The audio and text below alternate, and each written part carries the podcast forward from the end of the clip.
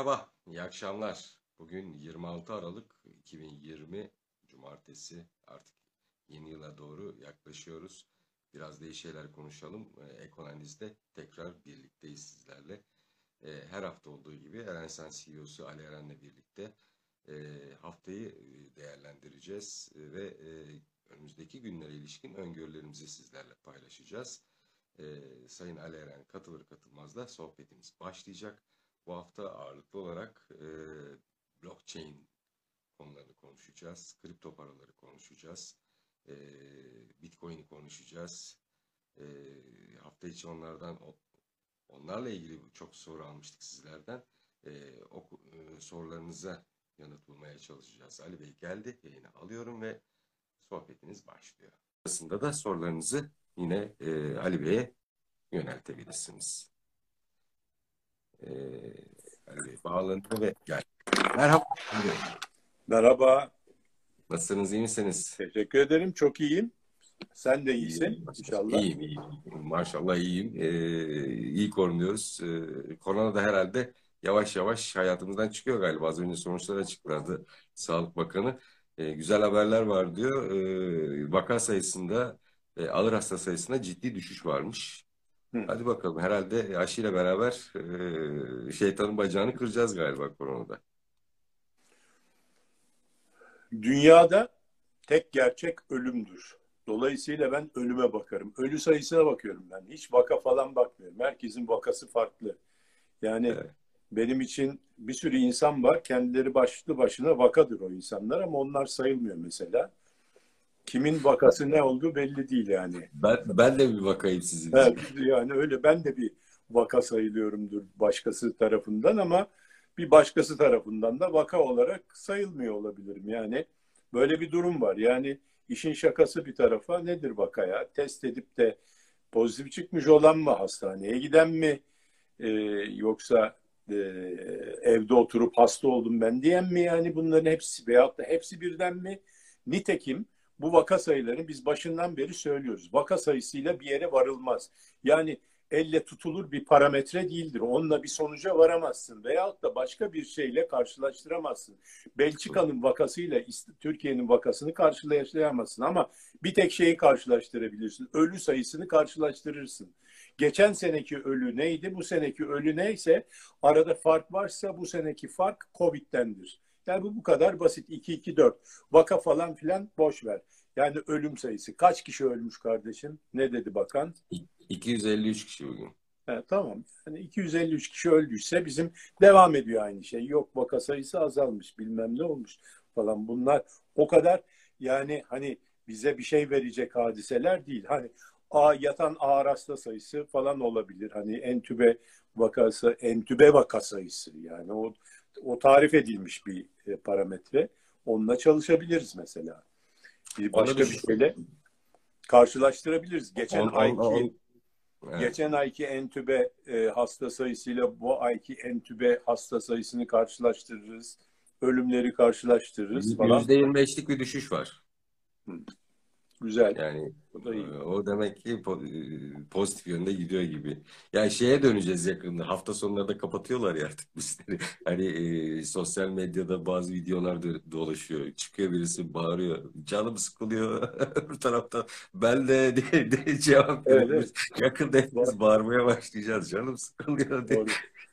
Doğru yani E, evet şey yapalım yani e, şükredelim oturalım yani başka e, Başka bir şey yok.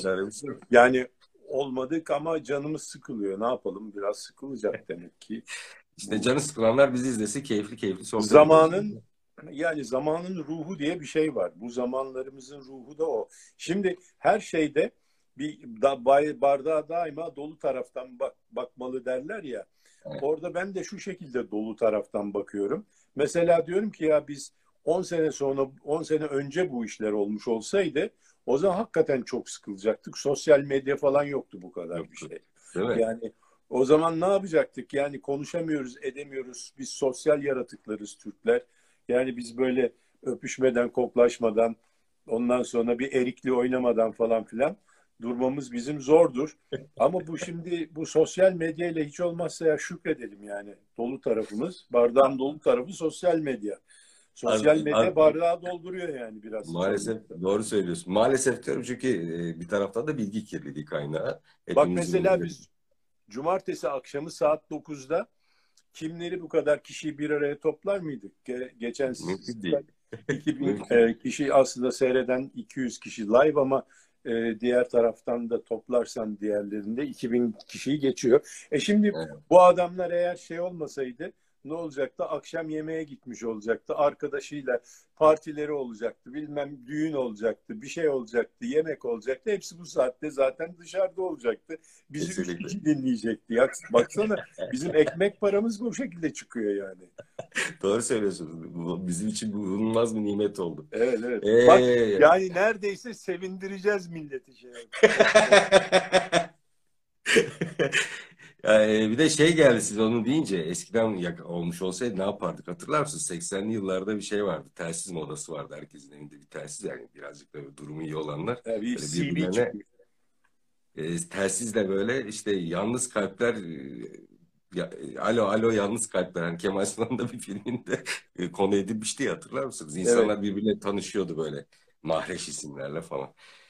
Şimdi e, bu hafta çok soru aldım ama onu e, izin etse sona atacağım. İlk iki konuyu önden girelim istiyorum. Kısa kısa geçelim o ilk iki konuyu. E, kripto paraları konuşacağız. E, epey de soru geldi. Geçen hafta aslında konuyu konuşacaktık ama e, dedik ki biraz daha biz bir araştıralım. Daha da detayına inelim. Ondan sonra e, önümüzdeki hafta konu edelim.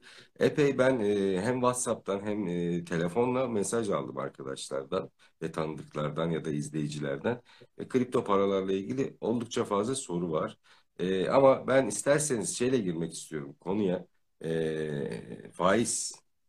E, o konuyla ilgili de eleştiriler de geldiyse onu da ileteyim. Ali Bey 300 puan dedi ama 200 puan açıkladı Merkez Bankası diyor. Evet. 100 puan alacağımız var diyor herkes. Ne diyorsunuz? Ya tabii onu biz taksitle öderiz. Hepsini peşin ödememiz şart değil yani şimdi. E, Ali Bey tutturamadı diyenler var. işler işler bu kadar kesat gittiği şeyde hiçbir şey nakit ödenmiyor. Biz yani e, 300'ün 300'ünü birden peşin ödemeyeceğiz. 200'ünü bugün, 100'ünü de haftaya öbür aya ödeyeceğiz. Bir kredi kurulumuz daha var yani orada da gelecek.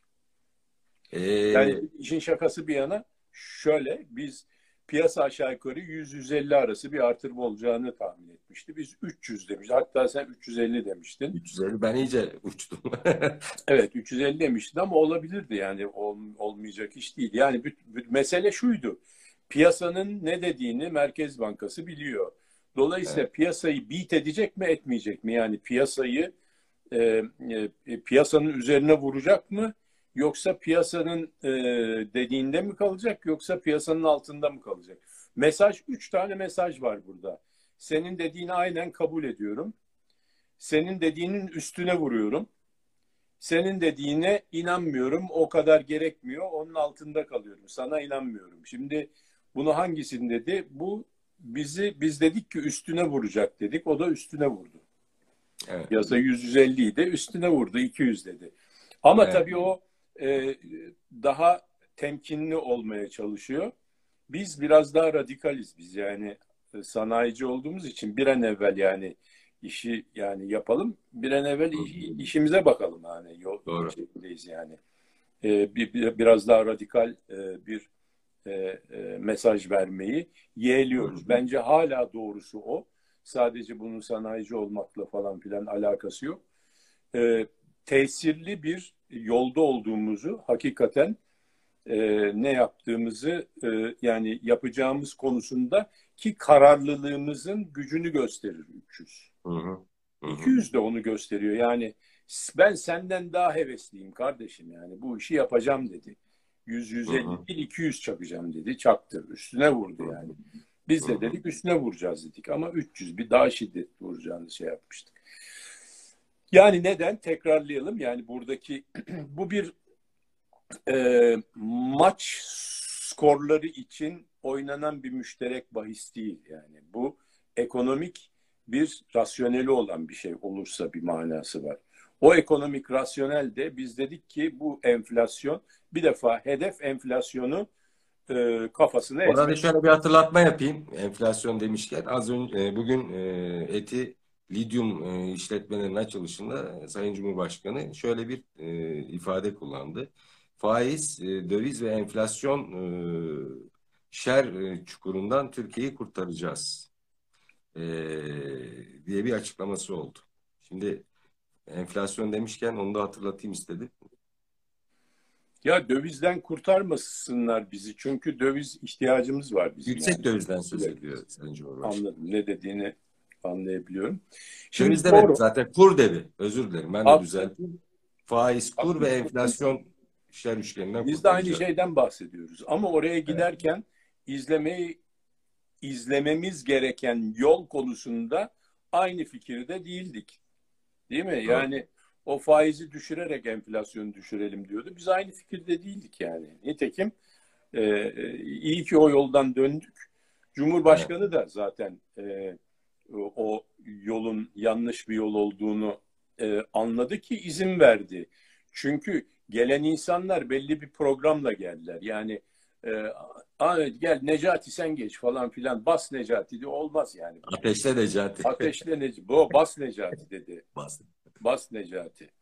O öyle değil yani. O biz böyle bir programla yapacağız. Geleceğiz. Bu faiz e, işi politikası yanlış. E, Merkez Bankası'na faiz helaldir.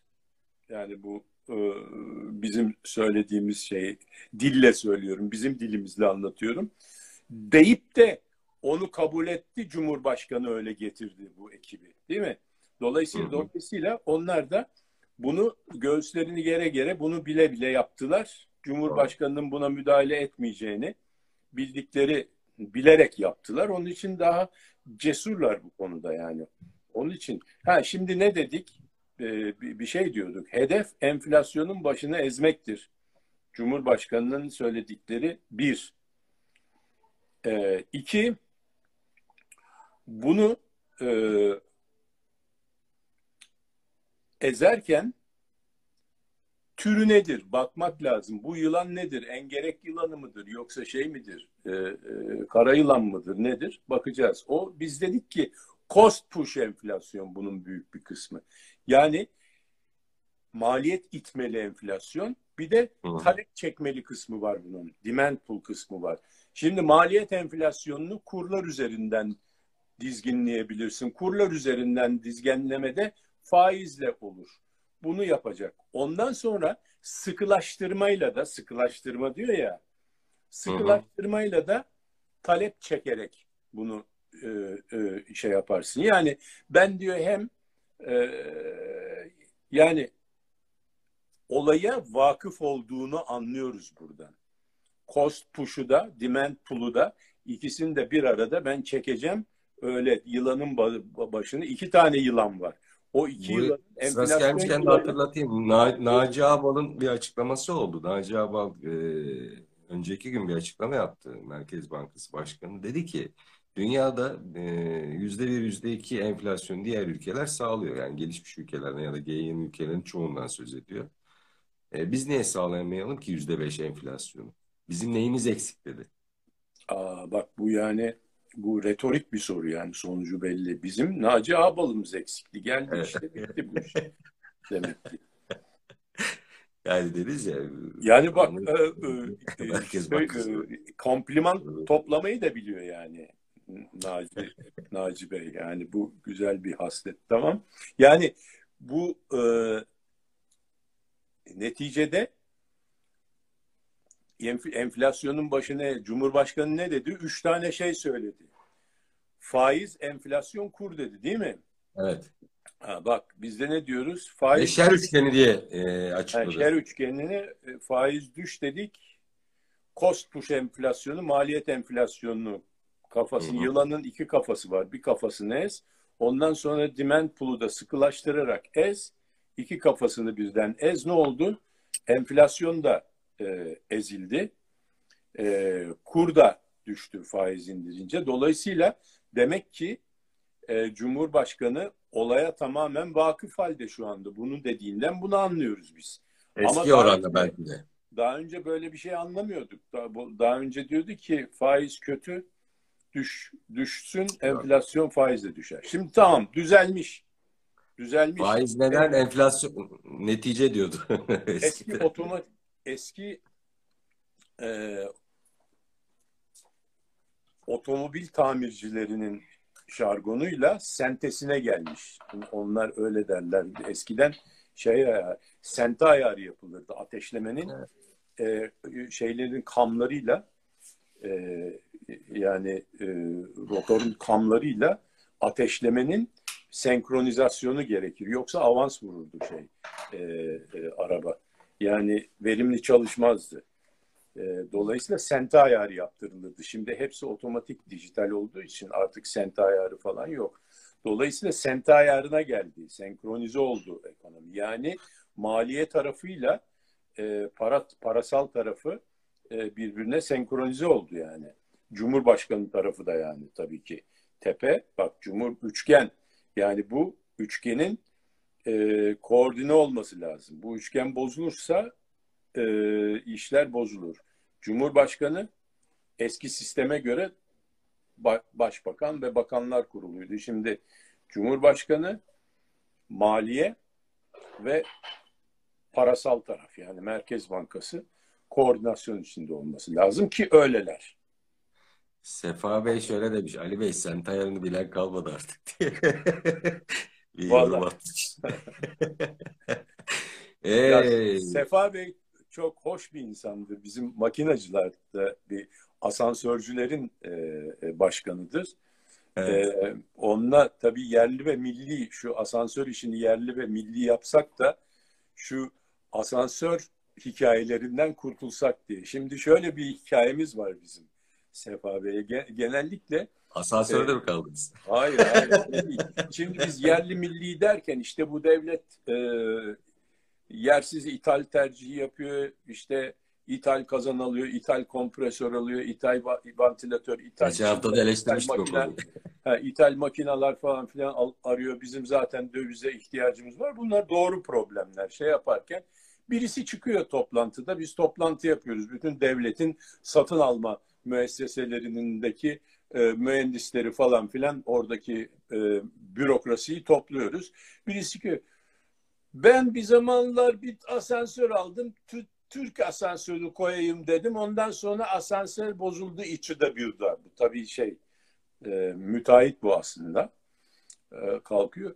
Ha ben onu Türk asansörü çok koydum daha bozuldu. Ben de onların yüzünden biz satamıyorduk. Biz de Sefa Bey gidiyorduk. Doğru, doğru dürüst asansör yapın yoksa biz kazan satamayacağız diye. Dolayısıyla öyle bir devamlı böyle bir problemlerimiz vardı. Şimdi düzeldi. Çok şakasını yapmıştık Sefa Bey. E, makinacıdır yani. Onun için sente ayarını e, Madem yerli ve milli konuştuk, e, bugün pek çok gündemimizde yoktu ama e, şeye de bir sorayım. İlla ki böyle bir mühendislik şeysi sokacağım araya yani öyle bir şey. Hemen ben de şeye bağlayayım. Sizin profesyonel bozulma var yani bende. Bak dedim ya hani vaka, vaka diye işte bir burada bir vaka var yani. Sizin gedikliniz Elon Musk'a bağlayayım o zaman. Şimdi bugün e, eti maden işletmeleri e, lityum iyon pil, e, daha doğrusu lityum e, testlerini açtı. Orada iyon piller de üretilecek. E, Bakan Varank şeyi söyledi. E, yurt dışındaki özellikle büyük cep telefonu üreticileri Türkiye'de artık üretecek e, cep telefonlarını buraya getiriyorlar üretim tesislerinde de. Sebep çünkü lityum iyon e, pil tesislerimiz e, en önemli kullanılacağı alanlardan bir tanesi bizim yerli ve milli aracımız TOG olacakmış. Oranın lityum iyon pilleri de Eskişehir'deki bu tesislerde üretilecekmiş. E, ne, ne düşünüyorsunuz bu konuda? Kısacık iki dakikalık bir yorumunuzu alayım. Oradan de, e, normal akışımıza devam edelim. Valla bu e, şey hayırlara vesile olsun diye düşünüyorum. E, çünkü şey... İlanı çok eleştirirken şeyi söylediniz ya. Hani bunun pili. Bunun pilini nasıl geliştirecekler? Nerede üretilecek? İlan zaten... ister misiniz? E, Tesla'yı gelsin o da bir te Tesla fabrikası açsın burada. Vallahi biz e, e, Elon'u alkışlarız ve e, hakikaten her bakımdan yardımcı oluruz ona. E, o da bir mühendis arkadaşımızdır. O kendisine chief engineer diyor ama e, beş tane fabrikanın birden chief engineer'i. Ben bir tanesini bile olamadım zamanında. O tabii ki o çok ileride bir yerde. Bir, bu SpaceX'in chief engineer'i. Ben dedi I'm the chief engineer of SpaceX dedi. Ondan sonra şey Tesla'nın chief engineer'i benim dedi. Ondan sonra o e, şeyin de bu tünel e, makinalarında chief engineer'i o, o. Yani dolayısıyla chief engineer e, arkadaş. Buradaki fabrikanın da chief engineer'i olur. Gelsin, buyursun. Tabii biz isteriz. Bizim TOG var. TOG'a da yardımcı olur. Yalnız şey düşünemiyorum Ya ben biliyorsun Sizin şey, TOG'u toptaki e, top değil topdaki toplantılarda sektör kurulu başkanı yapın mesela Elon'u. Çok eğlenceli olur. Ya da İstanbul Evet. Sanayi Odası'nda falan böyle bir komiteye nasıl olsa Türkiye'ye gelir artık o da. Eğlenceli olur diye düşünüyorum Elon. Vallahi onu bence bu hani bir iki defa konuşsun. Üçüncüsünde hapse atarlar onu burada. Şimdi e, Çünkü bak o şey diyor. o Bolivya'da dediler darbe olmuş. Sizin orada e, lityum falan çıkaracak. O nerede gerekiyorsa darbe yaparız. Başka yer varsa söyleyin dedi. değil mi? Ya, bu e, falan hoş hoş karşılanmaz yani burada. Biz tam böyle 2016'da en son böyle bir kötü bir e, Allah tecrübe yaşadıktan sonra bir daha yaşamayalım. Bir de gelip burada yani böyle bizim şey başımızı belaya sokmazsa iyi olur yani. Öyle şeyler söylemeyecekse biz onu önceden brief ederiz yani burada gelmeden. Tabii önce. Ee, şimdi akışta biz en sona koymuştuk ama e, kripto paralara daha geniş yer kalsın diye ortaya aldım ben izin verirseniz. Ee, 35. programımızı yapıyoruz birlikte ve şöyle bir dönüp baktım. Sizin e, önerilerinizi dikkate alan kişiler eğer dövizde değerlendirmiş olsalardı e, birikimlerini yaklaşık %35 kazanıyorlar. Döviz de değil ya ben döviz alın demedim Hayır, kimseye. alın demediniz. Yani dövizin nerelere gideceği seyri hakkında Hayır, hayır, verdiğinizdeki hayır, dövizle hiç alakalı bir şey yapmadık. Yok, Biz sadece yani Eurobondlar dedik. Yani Eurobond. Türkiye'nin tahvilleri, Türkiye Cumhuriyeti hazinesinin tahvilleri dedik. Ya örneğin şu, Tamam. şu anlamda söyledim onu. Ee, Ben bir dakika- Herkes e, 8'in üstündeyken döviz kurları millet 9 mu olur 12 mi olur derken ben e, 7.30 ile 7.50 arasında olur diye. Yani Evet. şimdi döviz kurları hem düşeceğini oynayan ondan önceki yani 3 ay önce de e, bu e, yanlış politikaların bir yerde düzeltileceğini düşünerek 6.80 olur demiştim e, yılbaşı Evet. kapanış. E şimdi devamlı düşük bir döviz kurunu hedefleyen bir insan döviz e, milleti dövize yatırım yapan ya- yapın e, demiş olmaz ya yanlış Yok, yok, demediniz. Demediniz. O anlamda demedim. Yani sizin Zaten- sizin dikkate alarak dövizdeki parasını başka bir yöne vesaire e, aktararak kazanabileceği ortalama parayı ben. Biz şey dedik yani Enflasyonun Evet. üzerindeydi. biz spesifik bir kağıt da söylemedik. Yani yatırım tavsiyesi buradan yapmıyoruz. Yapmadılar. Çünkü o Ama konuda ısrarla borsa yükselecek dediniz. Ee, Ama ısrarla geldi. dedik ki Türkiye borsası yükselecek demek değil o. Türkiye borsası e, şu anda ve o zaman da ve hala aynı şeyi söylüyorum. E, e, onun içerisindeki özellikle BIST 100'deki kağıtların e, güçlü ve kaliteli şirketlerin kağıtları olduğu e, için e, henüz dünya konjonktüründe hala çok ucuzlar. Dolayısıyla sağlam e, iyi bir yatırım aracı olabilirler dedim. Türkiye borsası BIST için söyledim. Hala şeyler de öyle. 109 binlerden daha şimdiki rakamlar e, 1090'lardayken e, revize edildi ya 2 puan 2-0 atıldı. Siz 140 binleri aşacak demiştiniz ısrarla yıl Evet, bitmeden evet. ve aştı. E, Eurobondlar konusunda da tavsiyelerde bulunmuştunuz. Dediğiniz gibi e, Eurobondlar bazında da e, ciddi e, yatırım fırsatı oldu sizin önerileriniz çerçevesinde. E, Sizin uyarılarınızı dikkate alan eğer dövizde pozisyonlu almış kişiler varsa da zamanında çıkma, çıkmışlarsa o pozisyonlardan da onlar da zarar etmemiş oldular. O anlamda söylemiştim. E, Evet, Yok biz döviz al veya sat tavsiyesinde bir şey. Sadece dö- e, döviz kuvvetli mi, zayıf Evet. mı? E, relatif parametrelere göre, referanslara göre yani zayıf mı? Çünkü Evet. e, döviz her zaman yukarıda olur ama e, çok e, zayıf olur hala. Daha gidecek yeri olur. Kuvvetli Yani zayıf olur. Nisan'dan bu yana baktığın zaman %35'te yani bu uyarıları Evet. dikkate alarak bir Yani şimdi biz bunu- için iyi gelir. Biz bunu neye göre söylüyoruz? Arka e, yani bizim ya şimdi herkes televizyonda bir sürü ekonomist var. Çıkıyorlar, Evet. söylüyorlar. Ama onların fark e, e, şimdi ya hepsi çıkıyor. Hepsini mi dinleyelim? Şimdi geldiği yeri bak bakmak lazım. Şimdi bir e, üniversitedeki bir hoca onu Hı hı. tamamen kitabi açıdan söyler. Yani Hı hı. orada ne yazıyorsa ve doğrudur yani temellere gider. Ee, mesela e, şeydeki bir e, kurumun ekonomisti yani bir borsa aracı kurumunun bir bankanın ekonomisti onların bakış açısına göre kredi piyasalarındaki duruma göre bir e, şey yorum yapar. Ben sanayinin içerisinden bir yorum yapıyorum. Yine hı. yine ekonomik e, şey kuramı, ekonomik teoriyi, makroekonomik e, formüllerin içerisinde ve kuralların içerisinde oradaki ilişki silsilesi içerisinde sanayideki tecrübemi ve şu andaki hisset hissiyatlarımla birlikte bir e, öngörü sunmaya çalışıyorum. Aradaki fark o. Yani herkes kendi bulunduğu yere göre realite bir tane aslında. Hı hı. Gerçek bir tane. Ama o gerçeğe nereden bakıyorsan ona göre o gerçeğin iz düşümü değişiyor. Geçen gün telefonda şunu demiştiniz bana. Ben evde çocuklarıma yedirmediğimi kimseye e, önermem demiştiniz. Evet. Ben de beyaz eşyacılar gibisiniz. Evde benim Yani- hanım da bu çamaşır makinesini kullanıyor. Yani siz de Evet hangi çamaşır makinesini kullanıyorsam memnunsam onu tavsiye ederim yani. evet siz de yatırım olarak onları tavsiye ettiniz. Israrla çok illa yatırım aracı soran olursa da Eurobond demiştiniz. E, dediğiniz gibi de Eurobondlarda da ka- kazanç. Ya mesela Eurobondlar hala çünkü e, e, 330'lara düştü CDS'ler. Evet. Onlar da e, Naci Bey'i e, selamladılar. Dolayısıyla 330'lara düştü. Faizler 5,5 falan. Değil mi? Yine orada bir kazanma kazanacak reel faiz dolar bazında reel faiz marjı var. 17 trilyon dolar para var dünyada eksi faize talim eden.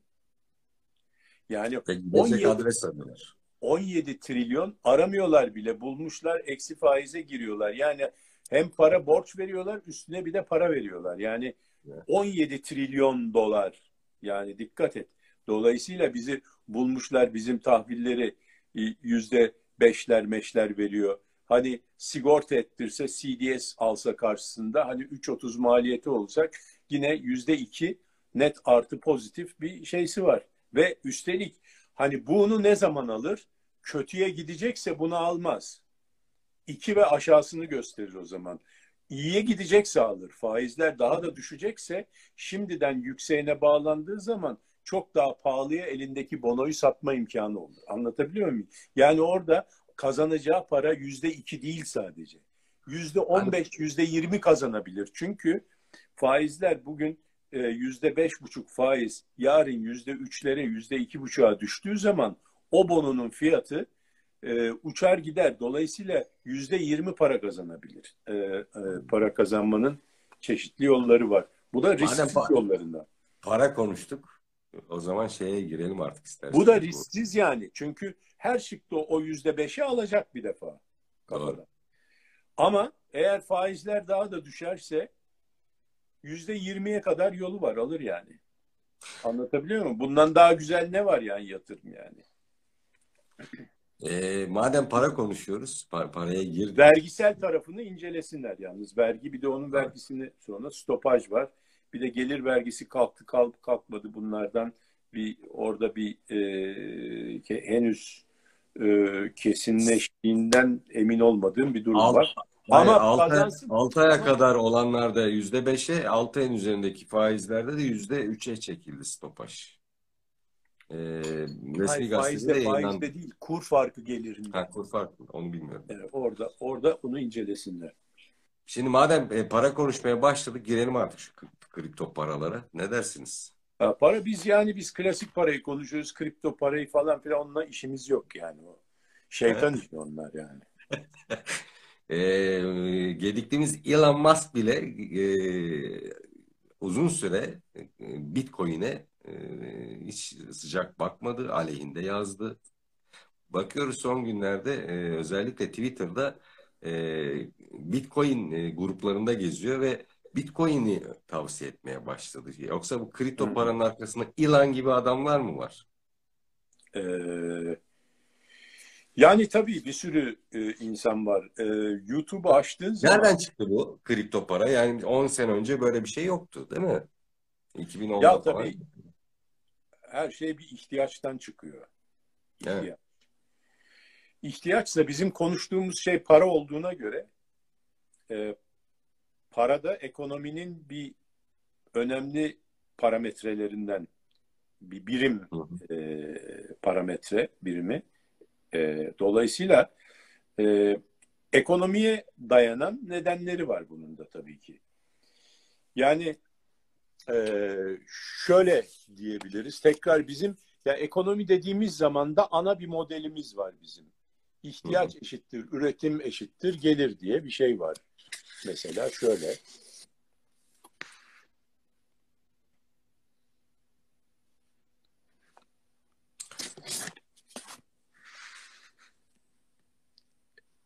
Evet.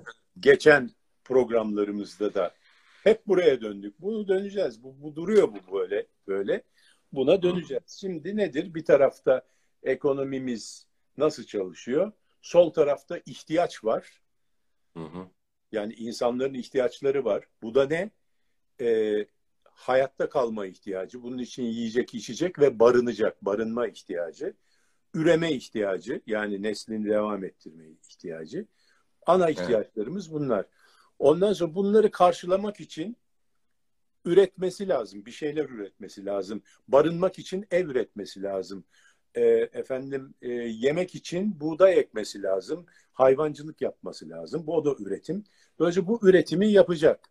Ne kadar? Evet. ihtiyacı kadar üretim yapacak. Evet. E, ihtiyacı kadar üretim yapacak. Ondan sonra o üretim yaptığı üretim karşısında gelir elde edecek. O gelirle de ihtiyaçlarını karşılayacak. Bu gelirle ihtiyaçları karşılamak arasındaki vasıta da para. Tamam mı? Üretimden sonra elde ettiğini bir e, bir e, birimle, birim referans birimiyle, parayla gelire çevirecek. Gelire çevirmiş olduğu parasal e, büyüklüğü de ihtiyaçlarını giderecek dedik.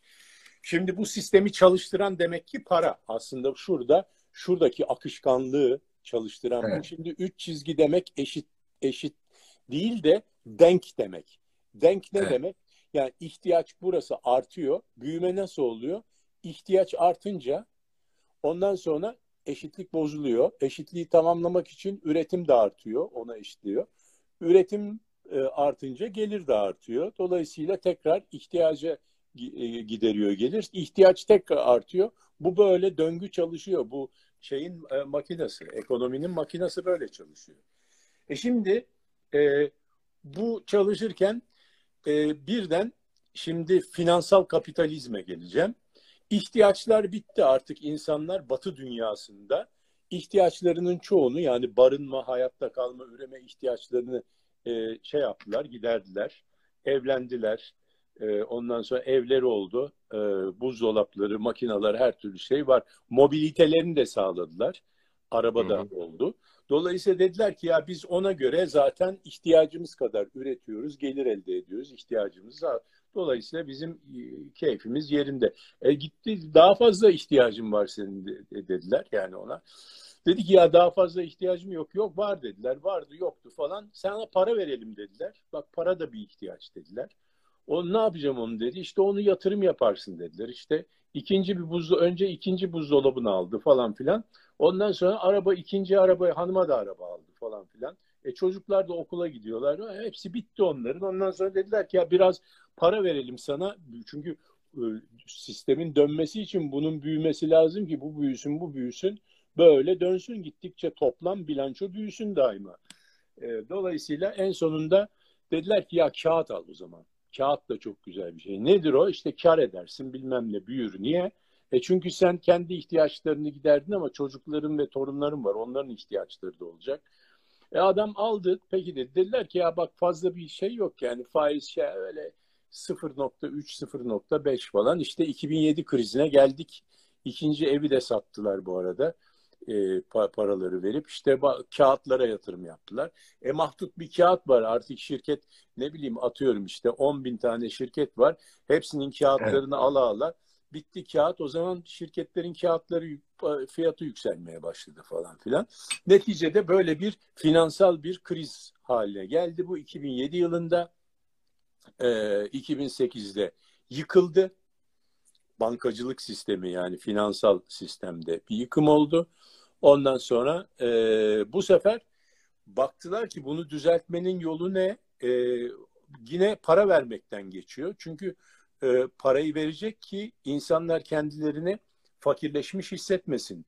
O parayı e, belki verdiği zaman tekrar bir ihtiyaç doğacak. Elinde çok para olunca kendini zengin hissedecek insanlar ve alacaklar bir şeyler falan diye. Bunları verdiler fakat para onu verdikleri zaman para bu sefer kağıda gitti. Yani esas üretime ve istihdama gitmedi para. Bütün problem de buradan çıktı. Şimdi o parayı verdiler. Parayla millet alıştığı için kağıt almaya başladı. İşte neydi? E, Tesla'yı aldı. O da yine daha fazla para geldi. Yine Tesla aldı. E çünkü ona böyle bir şekilde cazip geldi. Çünkü Elon Musk çok enteresan bir adam ondan sonra. Vizyoner, akıllı hakikaten ondan sonra yani bu sefer ortaya bir şey çıkarmak lazım. İşte altın aldılar. Bak altının fiyatı falan filan da yükseldi. O zaman da yani yükselmişti. Şimdikiden bahsetmiyorum. 2008-2009'dan bahsediyorum. Ne zaman çıktı bir Bitcoin falan? O zamanlarda çıktı yani 2008-2009. E parayı koyacak bir yerler lazım yani. Buyurun buradan da yakın diye bir şey getirdiler. O da Bitcoin mesela. Hmm. Değil mi? Buradan burada bu, buyurun buradan yakın. Bu arada bir sürü halka arz oluyor. Yeni şirketleri de halka açtılar falan. Onları da sattılar. Ee, ondan sonra e, dolayısıyla Bitcoin'in şeysi e, bir, biraz da yani bu birinci efekt etkisi. İkinci etki şuradan kaynaklanıyor. Ee, bir baktılar arz edilen paranın miktarı 600 milyar dolardan Amerikan Merkez Bankası bilançosu 2008 yılında 2009 yılında 6,5 trilyon dolara kadar çıktı. 10 katı arttı. 2019'a gelindiği zaman bu arta arta e, 7.2 trilyon dolara gelmişti. 12 katı daha fazla para var. Şimdi insanlar bakıyor. Bu süreç içerisinde devamlı artarak gidiyor işte bu devamlı artarak gittiği zaman insanlar bakıyor ya biz aynı şeyi üretiyoruz. Bütün dünyadaki üretim toplam o zaman işte e, 70 trilyon dolardı. Şimdi 80 küsür trilyon dolar. E biz 70'ten 80'e geldik. Halbuki para 600'den 7 trilyona geldi. 600 milyardan 7 trilyona geldi. Yani 12 defa para artmış. Bizim şurada büyümemiz %15 artmamış. Yani dolayısıyla e, demek ki üretime göre bizim şuradaki e, hikayemiz bozuldu biraz yani. Değil mi? Şimdi para konusunu e, niye size sormak istiyorum? Yani istedim bir. E, Pişman oldun değil mi sorduğuna? Hayır hayır hayır hayır. Neden? DNA'larınızda var para konusu çünkü. E, izleyicilerimiz bilmez ama sizin ata toprağınız Manisa. E, ben de İzmirliyim. E, Manisa'da da uzun süre yaşadık. E, çocukluk ve gençlik yıllarında. E, ben Ödemiş doğumluyum, İzmir Ödemiş doğumluyum. E, Ali Bey de kökleri de Manisa Demirci. Şimdi bu her ikisinin arasında yani Ödemiş ve Demirci arasında Salihli diye Manisa'nın bir ilçesi vardır. Orası da Sart harabelerin olduğu yerdir. Sart neresidir? E, Lidyalıların başkentidir. Paranın icat edildiği yerdir. Yani kuş uçuşu benim e, memleketim 20 kilometre, sizinki de kuş uçuşu 20 kilometre falan. Paranın icat edildiği yerlere ve e, para konusu genetik olarak sizin hakim olacağınız bir konudur herhalde diye düşünüyorum. Çünkü e, bugün e, sohbet ederken de şey demiştiniz yani dört çeşit para var diye. E, şu e, şu paranın çeşitlerini bir e, konuşalım mı? Yani ilk icat edilen e, yerde bile hemen etrafında bankalar kurulmuş, işte bilmem e, kumarhaneler bile kurulmuş. Yani Sart'a gider bakarsa izleyicilerimiz. Onlar şu an ayakta kalan yerler de onlar Sart harabelerinden. E, kaç çeşit para var? Şimdi e, şu şeyi bozarsak, insicamını bozarsak e, konuşmanın Tamam. o zaman oralara da tamam kaç çeşit paraya da geliriz. Ama şurada nerede kaldık? E, sen paraya e, tabii önemli bir şey söyledin. Çünkü bizim paradan bahseden e, bir otorite ola, otorite olduğumuzu bir defa insanlara açıklamak lazım. Bizim dedelerimiz bul- buldu bunu. Onun için bahsediyoruz, bahsediyoruz yani. Başka kim konuşacak para konusunda? Sart'ta bir ilk bankayı koy- kuran bizim dedelerimiz değil mi? Senin de benim dedem mutlaka oralarda bir yerlerde bir şey yapıyordu ya. Bankada ya me- ilk memur falan filan diye bir şeydi yani oralarda. Benim babam bankacıydı zaten. Yani oradan Benim emekli oldu. İş Bankası'na o- ben zaten dedik- adamcağız emekli olduktan sonra bile onun döneminde para sayma makineleri yoktu. Hala da 70'inde açtı babam. Yani 75'lere yaklaştı. Hala da uykusunda para sayar. Çünkü onun döneminde para sayma makinesi yoktu. Yok. 17 göbek sülale sen demek ki bankacısın. Ee, Şey, Var galiba demek ki. Yani arkadaşlar doğru kanaldasınız. Bak parayı bizden dinleyeceksiniz. Paranın esas babaları bizim dedelerimiz oluyor. Şimdi biz şurada kaldık. Ee, dedik ki bu e, paralar saçıldı etrafa. Bu kadar Evet. 12 kat para basıldı. O %15 büyüdük. Ne bu? Ne- son- sonuçta bizim cebimizdeki paranın değersiz olduğunu anladık. Değil mi? Şimdi bunu fark etmiyoruz biz ama bunun acısı çok kötü çıkacak. Yani bugünkü hurmalar yarın tırmalar olacak. Bu, bu kadar para. Şimdi ben şeyden bahsediyorum. Türkiye'deki e, e, bizim e, çarşıya çıktığımız kadar ki orada bakkal amca, manav amcadan falan bahsetmiyorum. Maalesef bunlara para gelmiyor yeteri kadar. Bütün dünyaya, batı dünyasından bahsediyorum. Çünkü bu bitcoin de oradan çıktı. Yani herkes zannetmesin vay kiminmiş, kime gitmiş de para, vay biz bulamadık mı ya, ne oldu yani, ne yapıyoruz yani, nereye, yanlış yere mi bakıyoruz falan demesin kimse. Pa ama dünyada muazzam bir para yığınlığı, yığılmışlığı var yani herkesin üzerine para yağıyor yukarıdan. Ondan sonra Bizde yağmıyor. Bizim ülkeye Evet, yağmıyor. işte bizde Naci, Naci Bey geldi yani ona güveniyoruz yağdıracak. Hiç merak Neyimiz eksik diyordu ya. Naci Bey eksik dedik Evet. biz de. Bakalım. Naci Bey eksik geldi. Yok do- doğru söylüyorum. Doğru iş yapıldı. Yani orada bir yönetim Yani değişikliği. şu ana kadar bütün Politika doğru ikisini. E, o yerine kondu falan filan. Onları geçtik. Şimdi burada bu kadar para yağdı. Ya bu kadar para olur. Bu kadar mal varsa e, bunun 18 misli para olduğu zaman yine bu kadar mal varsa burada bir yanlışlık var değil mi? Birisi bizi fena halde e, aldatıyor. Bize para veriyor. Sanki biz zengin. Ya zengin ne demek? Daha fazla mal alabileceğim demek. Yani istediğim her şey ama bu kadar parayla herkesin o kadar arttı. Ben ona göre daha zengin olmadım başkasına göre. E, dolayısıyla burada birisi bizi fena halde e, şey yapıyor yani aldatıyor demektir değil mi? E, Evet. bunu şey yaptığın zaman o zaman diyorsun ki e, öyle bir enstrüman olsun ki öyle bir para olsun ki bu parayı basıp basıp veriyor adam yani Amerikan Merkez Bankası. Öyle bir enstrüman olsun ki buradaki arz kısıtlı olsun. E var o enstrüman. Ne var? Altın var, gümüş var. Onların arzı e, yılda 30 tondan daha fazla altın çıkartılamıyor. Arzı kısıtlı. Yani dolayısıyla altına yatır. Sağlamsın abi yani altın çok fazla artmıyor. Ne kadar para yani varsa altına yatır. Çünkü arzı kısıtlı. Talebi artarsa fiyatı artacak demektir. O zaman para kazanacaksın. Daha doğrusu paranı kaybetmeyeceksin paranın. Alım gücünü kaybetmeyeceksin. Bütün meselemiz o. Zengin olmak değil.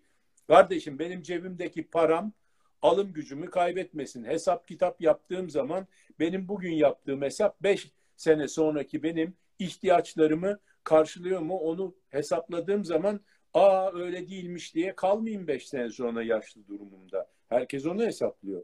Neticede böyle bir e, durum var. Altın var kardeşim, gümüş var ondan sonra.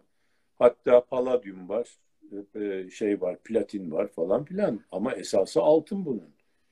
Hı hı. Ha, ama altını da e, biraz şey yaptılar yani dejenere ettiler tabiri caizse. Nasıl ettiler onu? Altının üzerine kağıt yazdılar. Baktılar ki müşterisi var. E, zıplayıp gidecek fiyatı. E bu altını her satışınızda biz para kazanıyoruz. Ondan sonra dolayısıyla altını da kağıt yazalım altına. Altının altına kağıt yazıp satıyoruz yani. Altından yani altından oradan da dolaşıp altın sertifikaları, altın şirketlerinin hisse senetleri, altının e, opsiyonları, altının efendim call optionları, put optionları, onların üzerine yazılmış bonus certificate'lar, on, onlara yazılmış efendim Bir reverse soru geldi size. Bir soru geldi hemen e, onu e, paylaşalım. E, değerli madenlerin e, değerli madenlerin madenlerin trade ederken kullanabileceğim aracı kurumlar var mı diye soruyorlar size. Değerli ma ama onu yani bana bana sormasınlar. Ben şimdi kurum adı falan filan zaten e, e, söyleyemem. Doğru da olmaz. Kurum var diyelim. var. Kurumlar var. Onu e, yani bankalarınıza sorun. E, bankaların yanında açılmış yatırımları var. Mesela bilmem ne bank, bilmem ne yatırım var. Onlar e, bu işlemleri yapıyorlar. Yani aracı kurum işlemlerini yapıyorlar. Borsada, sermaye piyasalarında, para piyasalarında. Yani bankalar bankalara yasaklandı bunun yapılması. Eskiden bankalar yapıyordu. Tahvil, mahvil oradan alıyordun. Hayır dediler bankasın sen yapamazsın. Çünkü sen bir sürü şirketin bilgileri sende. O şirketleri şirketin bilgilerini kendi e, şeyine kullanırsın. Avantajına veya müşterin onları e, bölüşürsün, paylaşırsın. Dolayısıyla dediler ki bankalar ayrıca böyle bir başka bir şirket kursun oradan kursun. O da mesela e, X Banksa X Yatırım Bank, e, X Yatırım Evet. diye bir şirket kurdu. O şekilde gidiyor. Dolayısıyla onlara sorsunlar. Onlar onlara yol gösterecektir. Şimdi e, altınla ilgili olarak dedik işte altın alırsın. Altın yok. Altın aynı e, yeri tutmaz. Çünkü altını e, dilute ettiler. Yani e, seyrelttiler. Yani altın öyle Cemil Tayman, izleyicimiz Cemil Tayman da demiş ki gram gram altın ve gümüş hemen hemen tüm bankalar tarafından yapılıyor alış satış Doğru. diye. Altın alım satımını bankalardan da yapabiliyorsun. Ama daha sofistike bir şey bir işlemler yapmak istiyorsan işte altın sertifikası, altın e, altın çıkaran e, şirketlerin hisse senetleri falan filan. Bu dolayısıyla bu işte birazcık e, şey oldu. Onun üzerine dediler ki ya hakikaten sonlu olan, hakikaten arzı kısıtlı ve sınırlı olan buna absolute scarcity deniyor. Yani e, mutlak nedaret diye ben onu tercih ettim, tercüme ettim. Mutlak nedaret. Nedaret e, e, azlık, Hı. az olma hali. Yani çok kıymetli olma, az olma hali. Nedaret nadirden geliyor. Nadir. Hı. Mutlak nedaret. Hakikaten nadir olan e, bir şey. O da işte Bitcoin çıktı. Bu Bitcoin hakikaten e, mutlak nedaret e, özelliğine sahip. Yani absolute scarcity e, e, şeysine sahip. Nasıl sağlıyor bunu?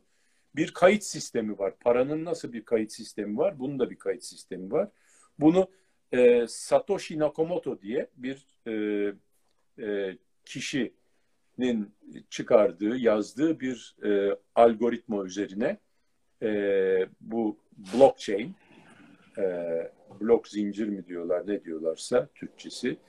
E, Yani e, bunun Türkçesi çıktı mı bilmiyorum. Blockchain e, algoritm diye bir algoritm var. Bunun üzerine yazılmış olan bir programla bunun muhasebesini tutuyorlar. Çünkü para aslında e, fiziksel bir şey değil.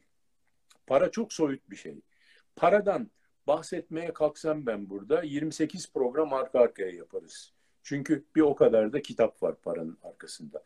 Paranın teorisi, paranın çıkışı. Biz şimdi Bitcoin nasıl çıkmış paradan diye şey yapıyoruz, e, hesaplıyoruz. Çünkü e, onu anlatmaya çalışıyoruz. Paranın çıkışının, yani bir defa çok değişik para kavramları var. Paranın mesela e, çeşitleri, e, birincisi e, mesela e, emtia parası var. Hı hı. O mesela silver coin, mesela şeyin çıkardığı e, Büyük Britanya İmparatorluğu'nun çıkardığı e, bu sterling silver dedikleri o bir para birimi ve aynı zamanda o paranın kendi intrinsik değeri, kendi içerisinde bulunan değer zaten. Onu erittiğin zaman zaten o kadar parayı alıyorsun. O kadar değeri istihsal etmiş oluyorsun. Şimdi öyle para var. Ee, birisi fiduciary money diye bir e, para var. O da mesela çek, senet falan gibi enstrümanlar. Onlar da bir çeşit paradır. Çünkü hı hı. E, banknot da olduğu gibi banknot, çek, senet aynı şey. Bir banknot aslında çek veyahut da bir senettir. Yani o banknot yazdığı, yazan Merkez Bankası'nın sana vermiş olduğu bir borç senedidir. Ama e, ibrazında nakde çevrilmesi gereken, karşılığını vermesi gereken bir borç senedidir. Çok muaccel dediğimiz yani piyasada buna muaccel denir. Anında gösterdiğin zaman e, yani anında görüntü dedikleri e, paradır e, nakit. Ama senet üzerinde bir vade vardır ama o da paradır sonuç olarak. Şimdi izleyicilerimizden Samim Bey, e, Samim Mayakon bir soru yöneltmiş size. Diyor ki paranın arkasında değerli maden ya da ülkenin gücü var. Bitcoin'in arkasında ne var diye soruyor Hı. size. Şöyle bir şey aslında bu dört çeşit para var dedik. Bir tanesi e, bir tanesi e, bu commodity para, emtia para. Üzerinde hakikaten beyefendinin dediği gibi onun kendisinin zaten değeri e, üzerinde yazan değer kadar.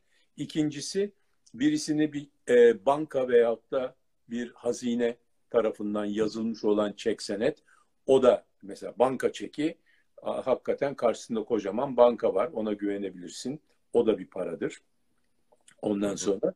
Üçüncüsü e, commercial dediğimiz yani ticari para. Ticari para da bankaların kendi bünyelerinde yaratmış oldukları para. Bankalar para yaratır bu bir e, çarpan e, şeysiyle. Yani normal e, basılmış olan paranın e, şeysinde e, üzerine onunla bir çarpanla e, hesaplar e, şey yaparlar, yaratırlar. O da bir para sayılıyor. E, bir de fiyat para dediğimiz para. Fiyat money dedikleri money. Yani fiyat money e, yani o Latinceden geliyor fiyat.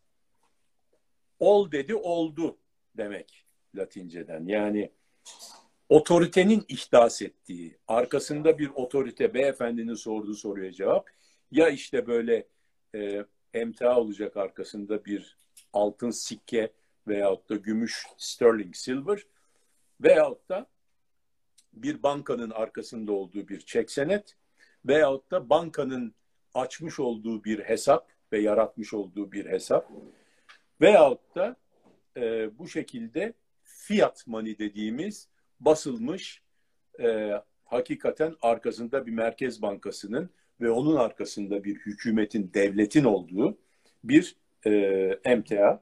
O fiyat money diyoruz ona. Bunu evet. ayırt etmek için sormuşlar. Yani söylemişler fiyat para diye. Eskiden hiç biz fiyat para falan demezdik ama şimdi fiyat para deniyor. Neye karşı? Bir fiyat olmayan para. Yani arkasında devletin e, veyahut da kişinin veyahut da bir kurumun olmaksızın e, bizim mesela hüdayi nabit diyeceğimiz yani kendi kendine e, çıkan e, bu eski eski terimlerdir ama biz yani bunları okuyarak gelmiştik yani edebiyatta falan şurada burada. Hüdayi nabit hiç ekilmeden kendisi yabani bir şekilde çıkan otlar. Bunlara hüdayi nabit denir yani. E, Ben Egeli olduğum için bilirim. He? Ben Egeli olduğum için Egeli bilirim. olduğun O, için, tür- e, o çöplerden Şey, çok böyle yemekler falan şunlar bunlar Evet, evet, yani. evet. E, kekikler mekikler kimse kekik ekmez. Dağ, gidersin Evet. dağdan toplarsın değil mi? Evet. Yani e, bir algoritmaya göre insanların ihdas ettiği, e, insanların kolektif olarak ihdas ettiği anonim değerlere coin diyoruz işte bu digital coin'ler diyoruz yani. Evet. Şimdi bunlar nasıl ki e, halbuki öbürü bir devletin bir kanunla çıkardığı ve arkasında hukuk sistemiyle var olduğu bir para birimi. Yani Turkish lira, Türk lirası veyahut da American dollar. E, Bunlar böyle şeyler veyahut da Great Britain pound mesela. Great bilmiyorum ama artık Britain pound yani. Şimdi e, bu paraya fiyat para deniyor. Fiyat ne demek? Let it let be there demek. Yani olsun demiş. Yani ben diyorum ki ol dedi oldu. Dedi. Bunun karşılığı Devletin bu ol olsun. diyerek devletin ol diyerek yaptığı para. Arkasında devlet var yani. Onun bayağı şey var. Ee, arkasında başka hiçbir şey yok. Ne bir e, ne bir altın, ne bir gümüş, ne bir değerli maden falan filan hiçbir ne Topkapı Sarayı ne de varlık fonu yok. Varlık fonu falan da yok arkasında. Onun devlet var. Şimdi dolayısıyla buna Bir de be- benim para- sözüm senettir var. Bizim Türklerde o ayrı tabii. Ha, o, o var. Bitcoin öyle bir şey aslında.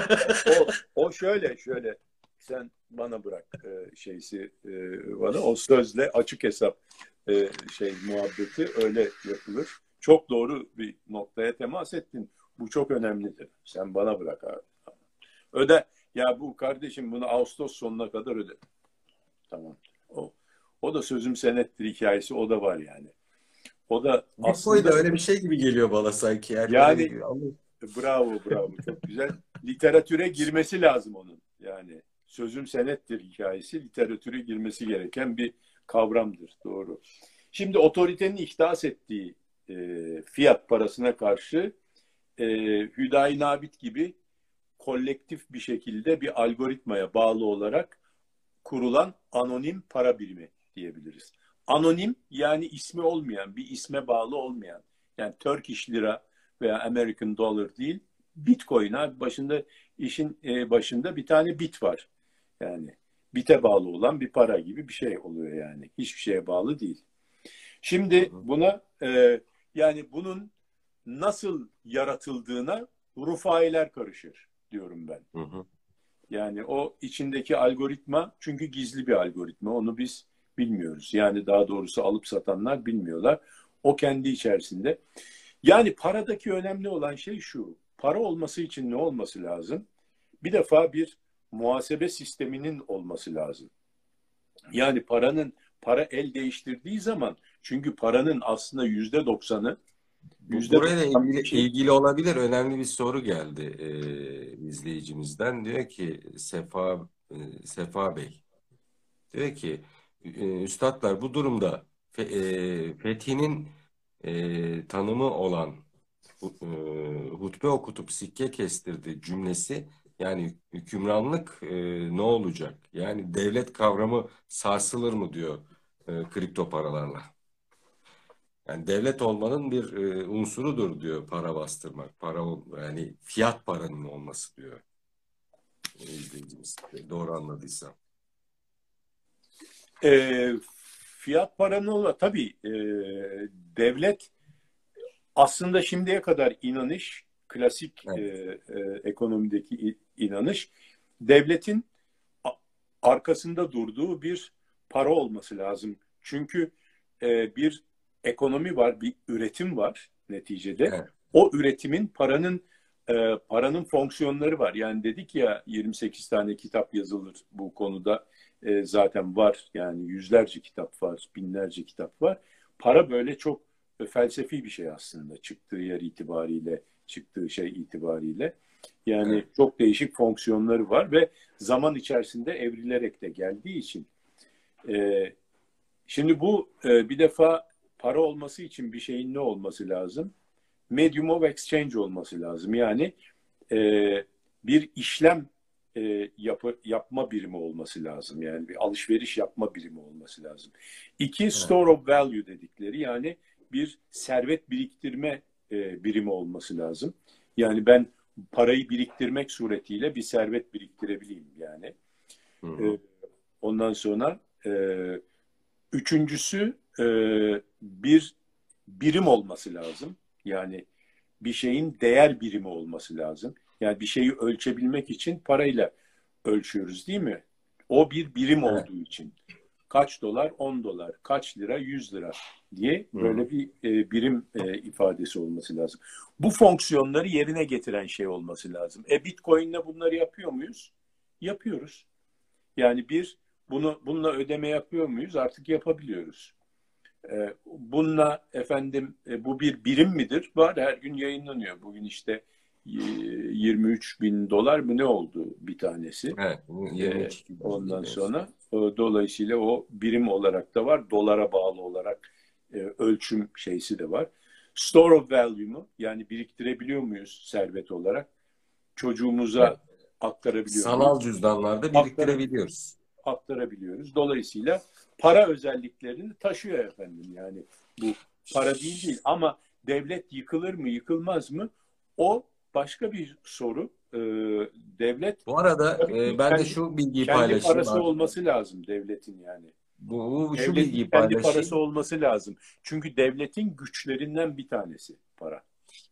E, Lütfi Elvan yeni Hazine ve Maliye Bakanımız geçen hafta bir açıklama yaptı. Dedi ki yerli ve milli e, e, coin geliyor diye hazırlıklar tamamlandı. Demek ki devletler de e, bu dijital paraları çıkartmaya başlayacaklar. Hatta e, yanlış hatırlamıyorsam Finlandiya galiba e, artık e, tamamen bu dijital paraya geçeceğini açıkladı. E, farklı farklı ülkelerin de kendine has e, dijital paraları var. Mesela Estonya özellikle girişimciler için bir cennet haline geldi. Çünkü internet üzerinden şirketler kurulabiliyor e, oradaki vergi ve muhasebe işlemleri veya para alışverişlerini yapabilsin şirketler diye e, bu e, kendi e, Estonya'nın kendi dijital parası var. E, bu işler için kullanılması amacıyla. E, peki bir şey daha soracağım burada izin verirseniz. Hayır hayır. Ya, al... Buraya buraya buraya buraya bir parmak basmak tamam. lazım. Bu bahsettiğim tamam, paralar benim bahsettiğim dijital para değil. Bunlar değil. hepsinin arkasında yine bir devlet olan paralar. Bunun algoritmasını devlet yazıyor Hı. ve o kontrol ediyorsa ve monitör ediyorsa, izliyorsa ve oradaki muhasebeyi de devlet tutuyorsa e, o zaman bu bir devlet parası. Bu bir dijital para değil, devlet parasının dijital olarak muhasebeleştirilmişi bu. Bu dijital para değil. Ben ne dedim? Coin ee, değil o. E, kolektif olarak kimin yaptığı belli olmayan e, para özellikleri taşıyan ve anonim olan, isimsiz olan, kontrol edilmeyen Bitcoin'in özellikleri bu. Diğer hı hı. öbür yani efendim e, bilmem ne şirketi ben de benim şirketimden bir tane coin çıkartabilirim. Ya, yazarım bir algoritma yazdırırım. Ne şekilde el değiştirecek? Yani algoritmada nedir? Onun arzını nasıl olacağını tarif ediyorsun ve bir program o programa, o algoritma doğrultusunda o programı yazdığın zaman hangi şartlar altında arzı ne kadar artacağını o kendisi daima hesaplıyor. Neye göreyse hangi parametrelere göre arıza artacaksa. İkincisi bu el değiştirdiği zaman bunun muhasebesini nasılsa o kendisi içerisinde tutuyor.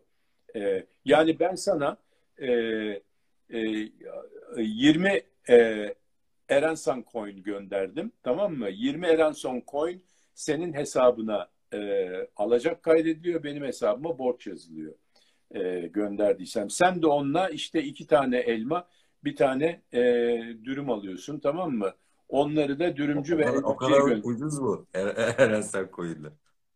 Ya bilmiyoruz işte e, şey Elon Musk alırsa pahalanacak onu ümit ediyoruz. Onun için yaptık. Yoksa elma almak için dürüm alma, ayranla ke, dürüm ke, almak için değil ki. Biz, kese şeklinde kaza var. Elon Musk'a bir çaksak bunu Bak ne oluyor ondan sonra bir e, Erensan dürümü şey e, coin'ı dürüm mü alıyor yoksa e, araba mı alıyor görürsün sen yani. Ama şey e, ikolu Cadillac kesin alıyor. Cadillac yani. ikolu kesin kazan şeklinde olur gelecekte öyle bir şey olursa. E, olabilir tabii. Bizim öyle bir coin'imiz var yaptık yani. Öyle mi? e, Onu E, Bir dahaki programda gösterirseniz memnun olurum yani eğer varsa şey. Vallahi şey- yani hani gösterebilirim şimdi buradan bulursam ama bayağı coin benim kafamın etrafında böyle deliklerle bir kazanın içerisinde bir coin şeysi yaptılar bana böyle. Şimdi Herhangi- bir, bir de şeyler var. E, biliyorsunuz bu Ha bak şunun Evet. anlaşılması lazım. Şunun anlaşılması lazım. Bu bir muhasebe sistemi. Zaten bankadaki para da ka- kaydi para değil. Bankaların kasası almaz, dolar taşar. Oradaki gökdelenler falan var ya her tarafı para olur zaten. Ee, eğer hakikaten para olsa bankalarda. Banka, bankalardaki paranın yüzde dördü, yüzde beşi para. O kasadaki. Yüzde doksan beşi kaydi para. Nedir? Kaydi para ne demek? Bir muhasebe sistemi içerisinde kaydedilmiş demek. Bunu da e, bunun tutarlı olması lazım. Bir bir tarafa e, bir tarafa alacak yazdığın zaman öbür tarafa borç yazman lazım ki ba- ba- bilanço bozulmasın değil mi? Yani şey T cetveli bozulmasın. Muhasebe bilin, bilenler anlar. Dolayısıyla bunun balansının her gün tutması lazım her bankada ve her gün tuttururlar bunu. Kuruşu kuruşuna. Dolayısıyla bunun da banka kendi içerisinde bütün hesaplarındaki girenlerle çıkanlar, bütün cari hesaplarını tutturduğu gibi Merkez Bankası da bütün bankalar arası işlemleri de tutturur her gün. Tamam. Evet. Yani Merkez Bankası da bunu yapar. Şimdi gidiyorum. Bütün merkez bankaları arasındaki işlemler ve transaksiyonlar, bütün ne kadar kim kime para gönderdiyse fatura karşılığı bilmem e, havale, cart, curt bunlar böyle gitti geldi İsviçre, e, Dubai, ondan sonra Frankfurt, New York, ondan sonra Boston bilmem hepsi bütün bu transaksiyonlar hepsi nerede? Merkez bankalarının babası var. O da biz. Yani Bank of International Settlements diye Basel şehrinde, İsviçre'nin Basel şehrinde kurulmuş olan babaların babası Merkez Bankası orada. Bu Merkez Bankası e, 62 tane Merkez Bankası'nın ortaklığıyla kurulmuş bir e, merkez bankalarının babası. Dolayısıyla orada da bu şeyler Bank of International Settlement diyor. Settlement ne demek? Her şeyin e, settle edildiği takas bank yani gibi bir şey. Takas. Takas bank. Yani orada bütün yani para demek aslında bir muhasebe sistemi demek. Tamam mı? Şimdi Yani bi- biz benim aldığımla senin verdiğin birbirine eşitlenecek bütün hesaplar sıfır olacak aşağıda. Bilanço mantığı. her hafta e, programa başlamadan önce 45 dakikada bitirelim diyoruz ama gene bir saati geçtik isterseniz bir 5 15 10 dakikada bir sorun daha olacak. Daha doğrusu birleşik iki sorun olacak. Ee, veri madenciliği denen yöntemle yazılan algoritmalar, serverlar çalışıyor ve e, bu e, coinleri üretiyor ve bunlar e, karşılıklı olarak takas edilerek e, bir fiyata ulaşıyor. Bir de altcoin'ler çıktı. E, bu altcoin'lerle ilgili tartışmalar var. Amerika'da e, bir sürü mahkeme açılmış. E, bu altcoin'lerin en e, meşhurlarından bir tanesi galiba Ripper, değil mi? Yanlış e, bi- bi- bilmiyorsam. O Ripple. daha ucuz. E, ona yatırım yap yapmama noktasında yatırımcıların düşüncesi var. Çünkü e, birisi 23 23 bin dolar, bir tanesi 19 sent. O Ripple gibi paralar. E, dolayısıyla o Ya altcoin'ler ucuz ondan alalım o zaman ya. E, o, o tür tartışmalar var. Bir de yani ikinci sorun da şu e, komplo teorisyenleri diyelim e, şöyle bir şey iddia ortaya atıyor. Diyorlar ki e, bu dijital paralar ya da coinler e, para kontrolünü kaldırmak için paranın üzerindeki kontrolü kaldırmak için üretilmiş bir e, sistem. Yani e, nasıl siz buradan e, İngiltere'ye bir para e, havale etseniz ya da EFT yapsanız Amerika'daki adam görüyor onu Swift kodları üzerinden. Ya da sizin bankanız görüyor, sizin devletiniz görüyor. İngiltere'deki banka görüyor, onun devleti görüyor. Ama coin'de böyle bir takip sistemi yok. Dolayısıyla bu biraz da e, suç amaçlı ya da e, paranın üzerinde e, hüküm sahiplerinin kontrolünden olayı çıkartmak için çıkartılmış bir e, para sistemi olduğu yönünde iddialar var. Bu iki Evet. soruyu birlikte sorayım. E, 10 dakika içinde yanıtınızı alalım. En azından 45 Tamam. dedik ama 1 saat 15 dakikada bitirmiş olalım programı. Tamam. Okey. Yani şimdi şurada alayım. O sorunun cevabına zaten geliyor geliyor ama böyle bir insicam içerisinde gelmiş olur, daha anlaşılır olur. Dedi ki Evet. aslında para demek ki bir muhasebe sistemi. Yani kimin aldığı, kimin verdiği e, hesapların denk olması gereken günün sonunda Evet. e, herkesin hesabını bildiği bir sistem olması lazım yoksa savaş çıkar yani. Yok ben Evet. aldıydım da verdiysem hayır 12 lira vermedin 15, o- o- 10 lira verdin 2 lira borçlu hayır değilim falan yok böyle bir şey yani. Orada kimin kime ne gönderdiği ne aldığı ne verdiği belli. Tak diye çıkıyor. Bu nerede bitiyor? Bütün bu hesapların hesapların bankada bu hesap tutturuluyor. Merkez Bankası'na gidiyor. Merkez Bankası'nda tutturuluyor. Eğer yabancı paraysa o zaman BİS'e gidiyor. Basel şehrinde. Ee, Basel'da tutturuluyor falan filan. Bunlar hepsi yani o merkez bankaları arasındaki hesap tutuyor zaten. Evet. Yani o senin hesabınla uğraşmıyor BİS'teki de. Merkez Banka banka kendi içerisinde tutturuyor. Merkez Bankası da kendi içerisinde tutturuyor. Denk geldi mi tamamdır. O da merkez bankaları arasında tutturuyor e, şey. Yani bu bir muhasebe sistemi yani. Bitcoin'de bu muhasebe sistemi kurulmuş kardeşim kendi içerisinde ve bunun için BIS'e falan gerek yok. BIS gibi bir kurum falan yok. Basel'da onun çok muazzam bir binası var böyle yuvarlak falan bilmem ne. Altı böyle geniş üstü yuvarlak böyle çıkan gökdelen falan filan böyle gördüğü zaman zaten ben paranın babasıyım falan filan diyor. Dolayısıyla bu çok da eski ya. 1930'lardan falan. Yani İkinci Dünya Savaşı Birinci Dünya Savaşı'ndan sonra yapılmış Bretton Woods'ları geçirmiş İkinci Dünya Savaşı'ndan sonra o Bretton Woods e, dalgalarını atlatmış kapamaya çalışmışlar bunu. Amerikalılar işlerine gelmemiş falan filan. Almanların savaş tazminatları bu bankadan dağıtılmış falan filan. Yani bir sürü tarihçesi olan eski yani oturaklı okkalı bir kurum o. Yani şimdi buna karşı neden bunları söylüyorum? Ee, böyle tarihi bilmem ne klasik böyle acayip e, yaşlı maçlı böyle amcaların oturduğu böyle bütün iki tane savaş geçirmiş ayakta kalmış falan bir kurum karşısında böyle bit gibi bir şey çıkıyor. Bitcoin yani. Yani bu ne olacak? Bu ne kadar dayanır? Ve senin dediğin gibi işte bütün bu muhasebeleri falan filan herkesin gözünden muhasebe tutulmuyor değil. Sen de benim aramızdaki muhasebe tutuluyor da onların haberi olmuyor. Öbürlerinden ön- onların hep haberi var. Yani BİS'teki amcaların haberi var. Bu amcalarımızın gözetimi dışında kalmış bir şey oluyor. Dolayısıyla büyük bir kara delik diyorum ben buna. Dijital kara delik.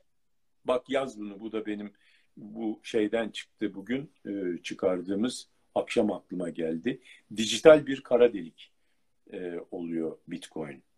Biliyorum herkesin kafasında ya alalım mı biz de köşeyi dönelim falan şeysi var da ben özellikle oralara girmeden sıvışmaya çalışıyorum aradan e, şey yapıyorum.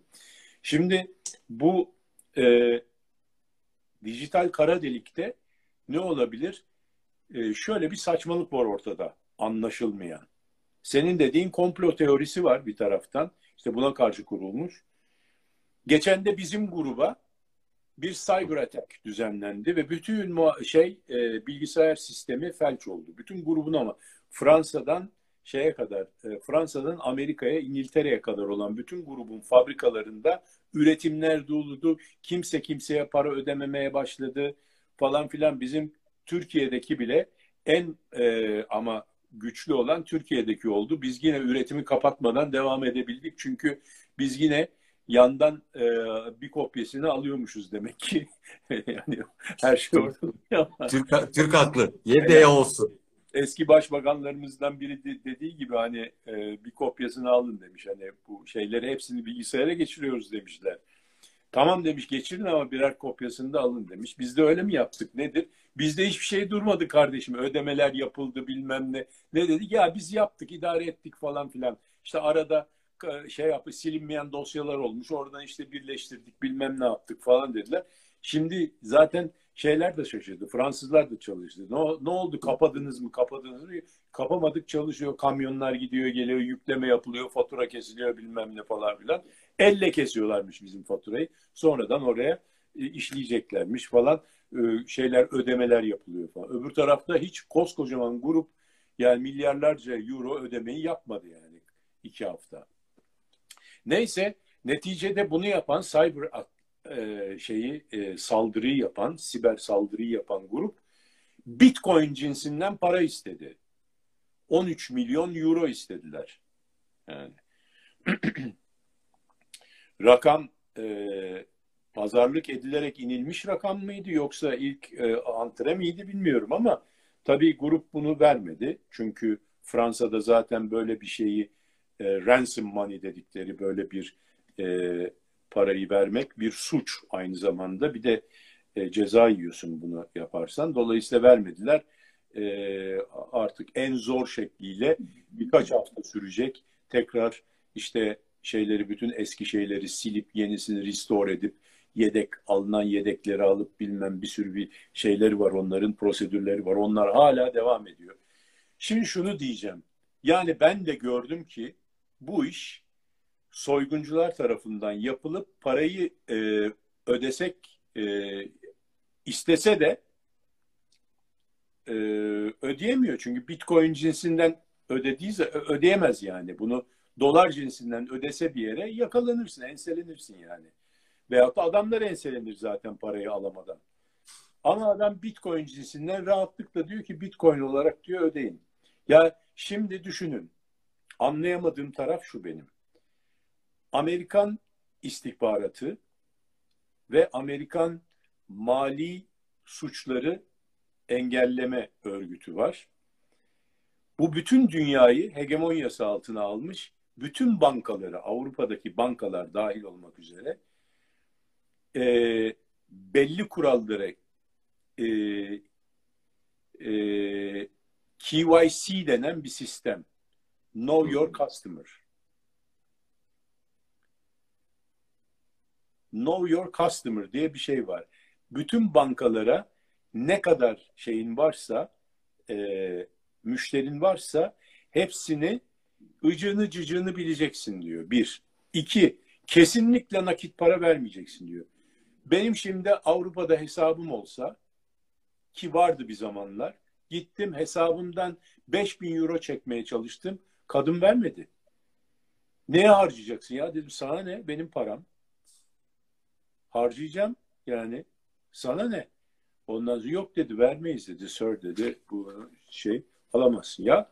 Nasıl vermezsin? O öyle böyle. Dedim ki araba alacağım dedim. Tamam dedi arabayı dedi alın siz faturayı bize gönderin biz ö- ödeyelim şeysini.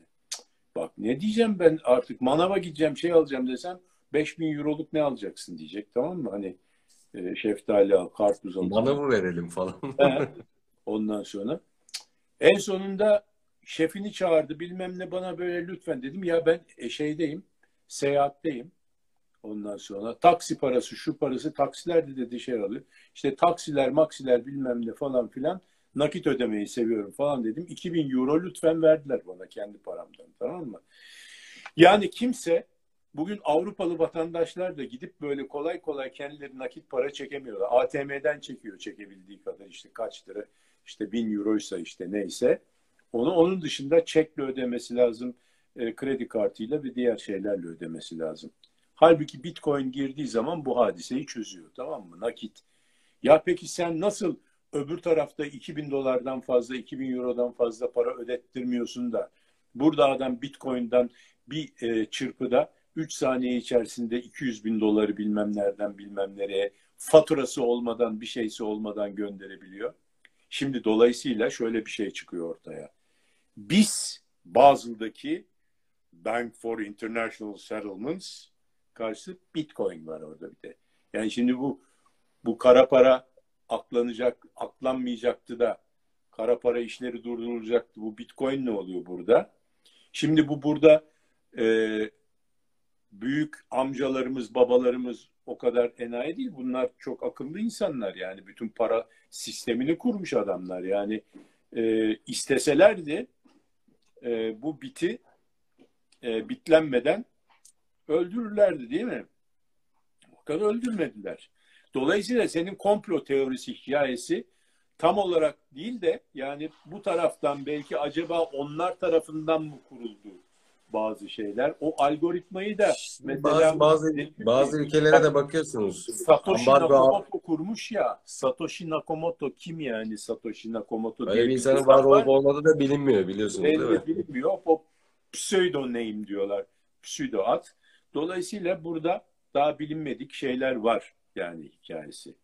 Fakat son şeye geliyorum, vurucu tarafa geliyorum.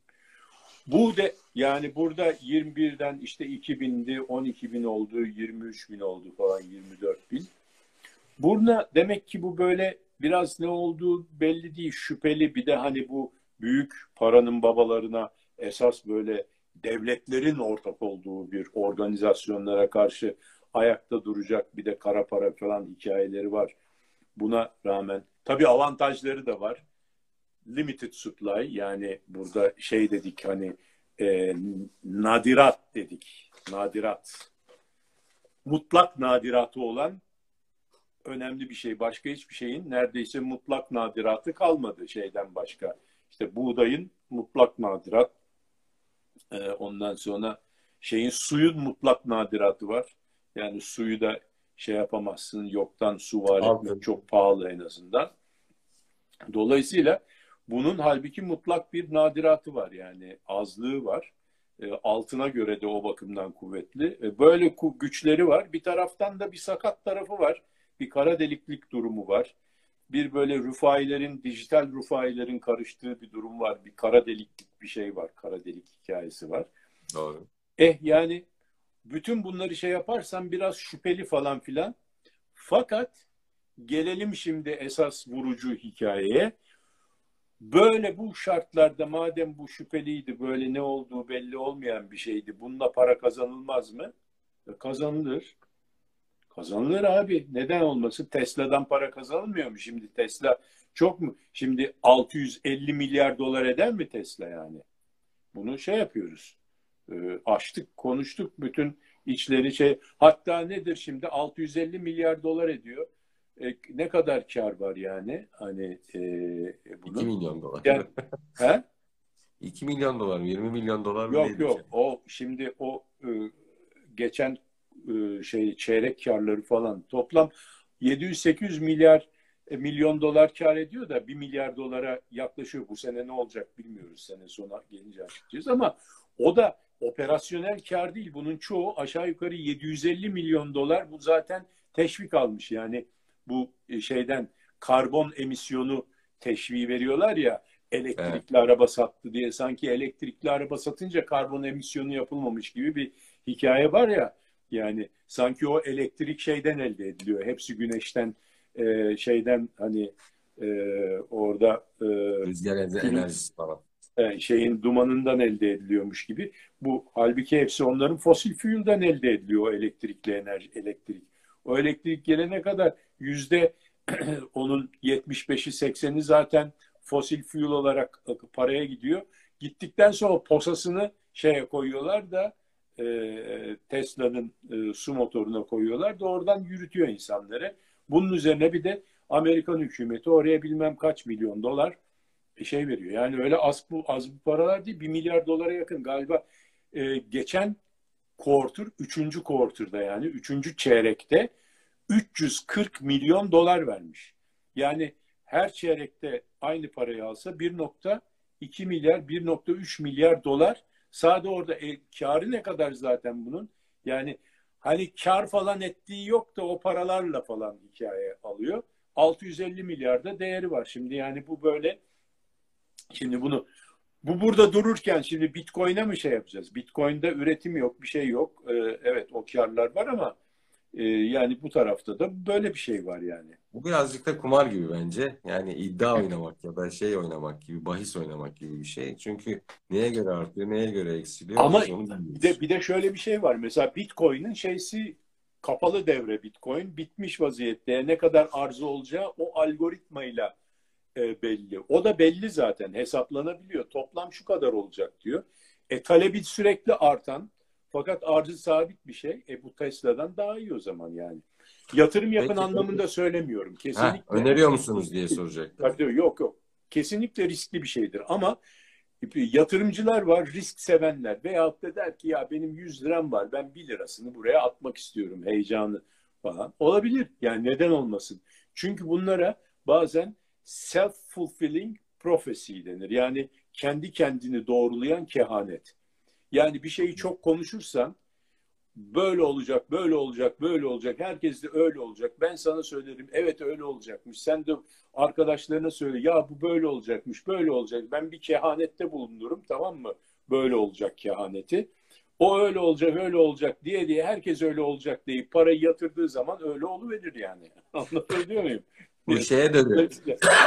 yani Kızılderili hikayesi var ya, yani kış sert mi geçecek, yumuşak mı geçecek öyle bir hikaye vardır bilirsiniz. Bilmem. Yani e, Kızılderili kabilesinin bir bilge şefi varmış. Herkes ona soruyormuş bu, bu sene kış nasıl geçecek. O da şeye e, cevap veriyor. Yani aslında o da çaktırmadan e, meteorolojiye soruyormuş telefonla kış nasıl geçecek diye. Meteoroloji diyormuş ki sert geçecek.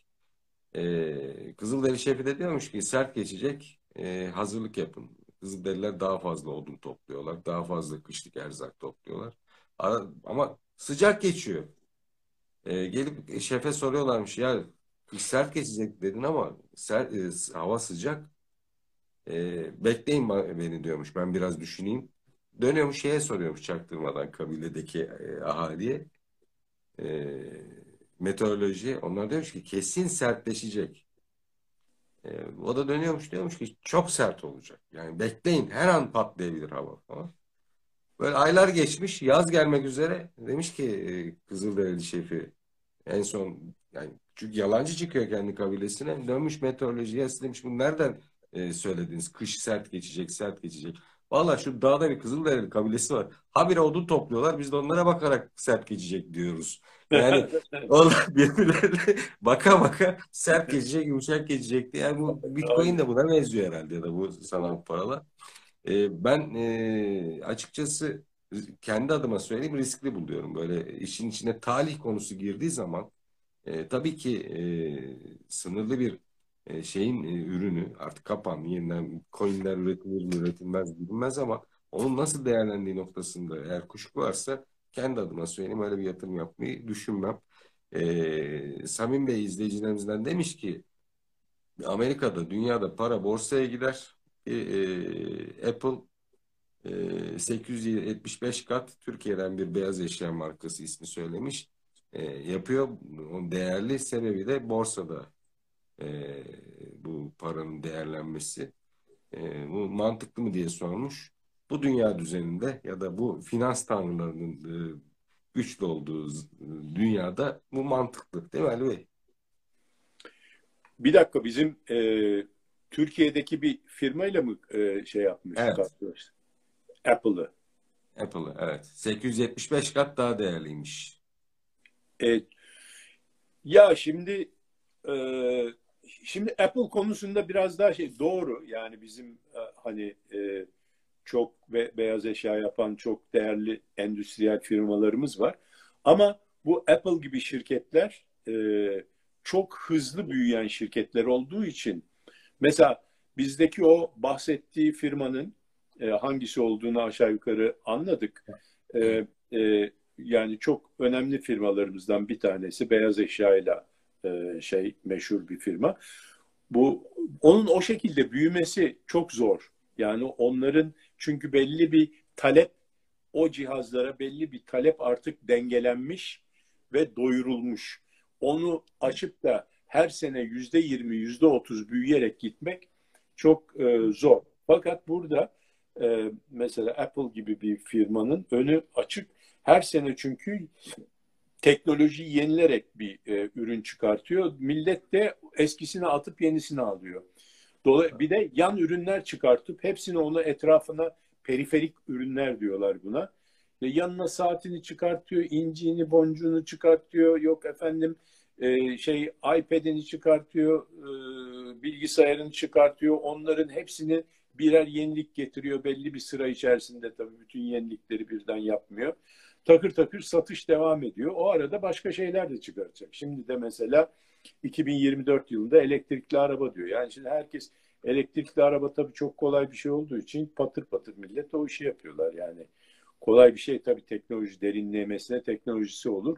Ee, birbirinden daha iyisi olur da yani e, ben şimdi mesela Apple kalkıp da e, içten yanmalı motorlu bir araba fabrikası yapmaya araba piyasası e, patlayacak muazzam gidecek yeni yollar yapıldı tüneller açıldı falan filan ondan sonra artık şeyler ortadan kalkıyor kitle tra- transportu ortadan kalkıyor bu virüs hikayesinden dolayı kimse trene otobüse binmeyecek desen yeni yollar yapıldı açıldı muazzam artacak araba desen içten yanmalı motor araba fabrikası yapamazlar yani. Apple da yapamaz.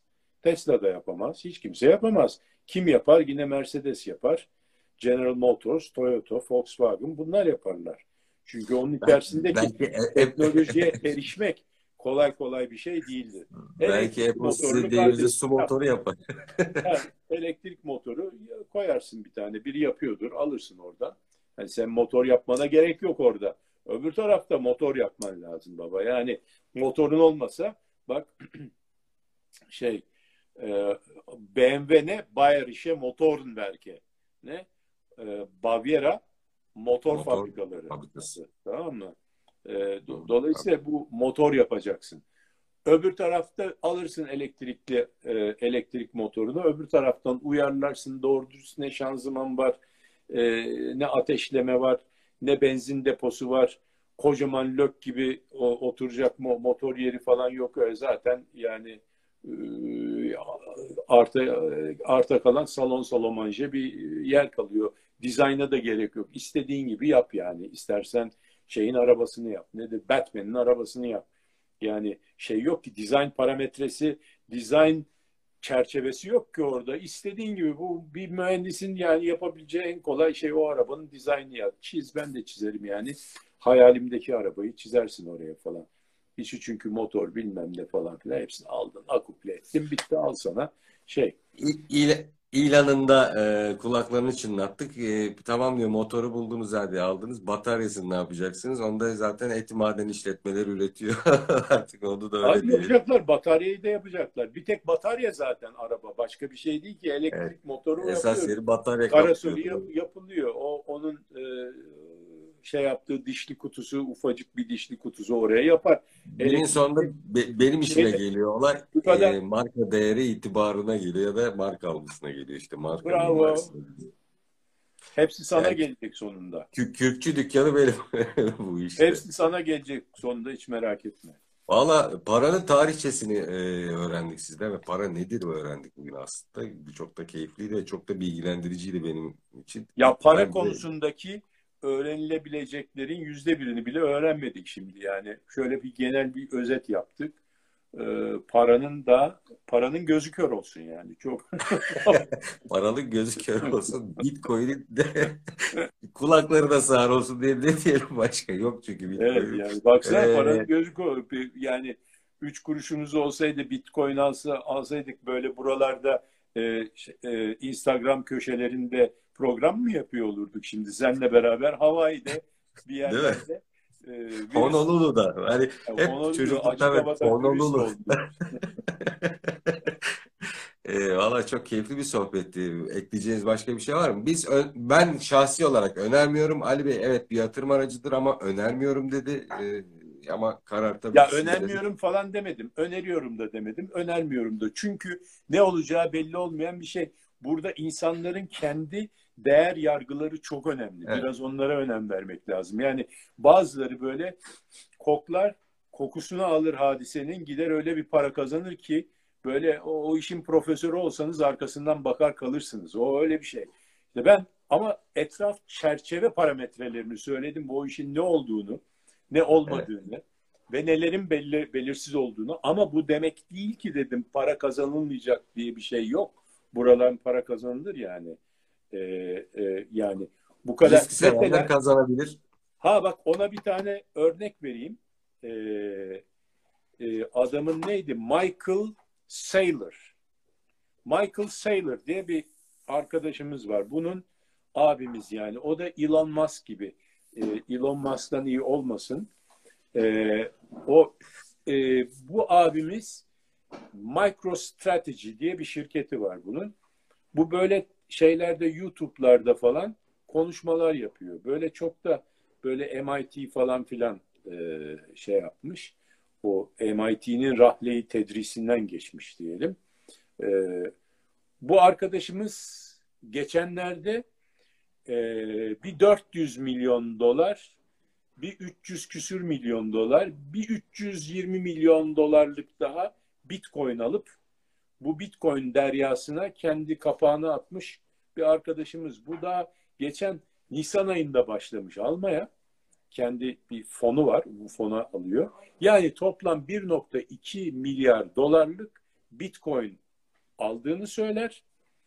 Ee, ben onun yalancısıyım. Ee, ortalaması tahmin ediyorum 15 bin dolar falanına getirmiş ortalamasını. Yani Nisan'dan bu yana o söylediği şeyleri baktığım şeyde merak ettim baktım. 15-16 bin dolara falan getirdi herhalde. Ee, bu arkadaş muazzam bir şekilde Bitcoin için yani ağzından bal akıyor. Bunu dinlerseniz hemen işi gücü bırakır. Ondan sonra adamın konuşması bitmeden hemen Bitcoin'ciye gider alırsınız. Kimse o. Yani dolayısıyla e, uygulamalar var artık onları indiriyorsunuz oradan alıyorsunuz. Şimdi kurumsal bu adam kurumsal bir fon yani bu böyle kendi kendi parası değil ama büyük bir ortağı herhalde. Yani şimdi bunu hani millete e, şey, kabul ettirmeden bir boardları var mutlaka, mutlaka bu fonun. Bunları bir kabul ettirmeden falan filan geçirmez değil mi? Bunlar akıllı insanlar yani. Şimdi onlar da ne diyorlar? Ya bu süper bir şey. Bu dünyayı kurtaracak olan para birimi Bitcoin'dir. Ee, bitsin bu doların artık hegemonyası. Ee, biz dünyanın e, dünya insanlarının kardeşliği üzerine kur- kurulmuş sosyal bir e, para birimi istiyoruz. Onun için yürüyün arkadaşlar Bitcoin alıyoruz diye almıyorlar bunu. Diyorlar ki ya Bitcoin'in e, her tarafı orası burası e, birazcık şaibeli ama bundan ne yapalım bizi ilgilendirmez abi biz para kazanmak istiyoruz. Yatırın şu kadar para yani e, fonumuzda kaç para var kardeşim bak oradan Necati bak diyor. Ondan sonra diyor ki 4 milyar dolar abi. 1 milyarını koyun abi oraya diyor. Tamam koyuyorlar adamlar yani. Herhalde e, bu şekilde e, çok sofistike bir hadise değil yani. Koydun aldın hikayesi. Diyor ki arzı sabit. E, ondan sonra bir de benim gibi birkaç tane fon daha buraya hücum ederse o gidecek bu diyor. Alıyor adam yani. O riske giriyor musun giremiyor musun? Bu girişimcilik ruhu. Valla e, sorular gelmeye devam ediyor e, ama artık neredeyse ikinci saate yaklaşıyoruz. E, Ya çok biz gideriz bu- burada. Yeter ki para olsun. Bak Züğürt'ün e, şeysi çenesini yorarmış. Onun için bu yani 3 saatte konuşuruz daha. Yeter ki paradan bahsetse yani. Ya ben de şöyle bir fıkra anlatayım öyle kapatayım yani e, böyle insanlar e, bir adamın birisine alacağı varmış. Yani demiş ne zaman ödeyeceğim bana? Bak comments off dedi. Sen mi kapattın? Ben kapattım programı kapatırız diye istiyorsanız açayım. Daha geliyor çünkü habire soru geliyor. E, açalım isterseniz izleyicilerimize de ayıp olmasın. Mesela bir, e, yine bir soru gelmiş. Al- Alıntı Amerika, Amerika'nın 1 milyar dolarlık Bitcoin'e el koyduğu anlatılıyor diye. Tabii böyle bir pek çok soru var. Ee, bu altcoin'lerle ilgili şeyler bunlar. Mahkeme süren davaların şeyi. Ee, gitmiş e, alacağı olan kişiye demiş ki ya bana şu borcunu öde. O da demiş ki bak ben bir tane coin aldım. Ee, onun demiş e, büyüteceğim, yetiştireceğim. İşte e, e, tamam e, onu sat ver. Hayır demiş. Onu e, işte yünlerine eğirecek eşim. Oradan işte çorap yapıp satacak. E tamam demiş. "E, sen o zaman ver. Yok demiş. O çorabı alan kişi şunu yapacak, bunu yapacak. Demiş ki o zaman vereceğim. Bir hesaplamışlar 5 yıl sonra ödeyecek parayı. Dedim sen bana 5 sene sonra mı vereceksin parayı? Evet. O da gülmeye başlamış. Bak demiş peşin parayı gördün nasıl da gülüyorsun. Yani bu yani e, coinler de birazcık böyle. E, Evet. ben kendi adıma e, riskli buluyorum ama ne öneriyoruz ne önermiyoruz biz bu program olarak. Dileyen istediği yatırım aracına e, yatırımını yapabilir. Bu Bitcoin de olur, Xcoin de olur, Eurobond da olur, borsada olur, e, altın da olur. Yani büyük abilerimiz bak burada bisler misler dedik büyük abilerimiz daha büyük abilerimiz de var. Bunlar Washington'da New York'ta e, dünyanın çeşitli mahfillerinde olan e, böyle kalantor abilerimiz onlar sonunda karar verecekler bu işin olmadığına. Şimdiye kadar dur dememiş olmalarının mutlaka bir sebebi var. Yoksa buraya kadar getirmezlerdi. Mutlaka bir sebebi vardır diyorum. Yoksa böyle bir e, kara delik yaratan bir şeyin e, bu zamana kadar gelmesi mümkün olmazdı. Diğer içlerinde Ripple var bir tane de. Hani o biraz daha güvenilir. Algoritması e, az çok e, bilinen bir e, şey olduğunu yazıyorlar. Ben de tabii teknik e, detaylarına vakıf değilim ama onun dışındakilerin çok güvenilir olduğu söyleniyor. Lityum var. Yani çok güvenilir olduğu söylenmiyor ama orada da muazzam kar potansiyelleri orada da var yani. Ama evet. şuna kesinlikle kanmasınlar. Ya birisi işte bilmem kaç sent, öbürü bilmem kaç bin dolar. Yani bu o, çok ucuz bundan alayım diye. Hayır hiç hiçbir farkı yok yani ikisi de.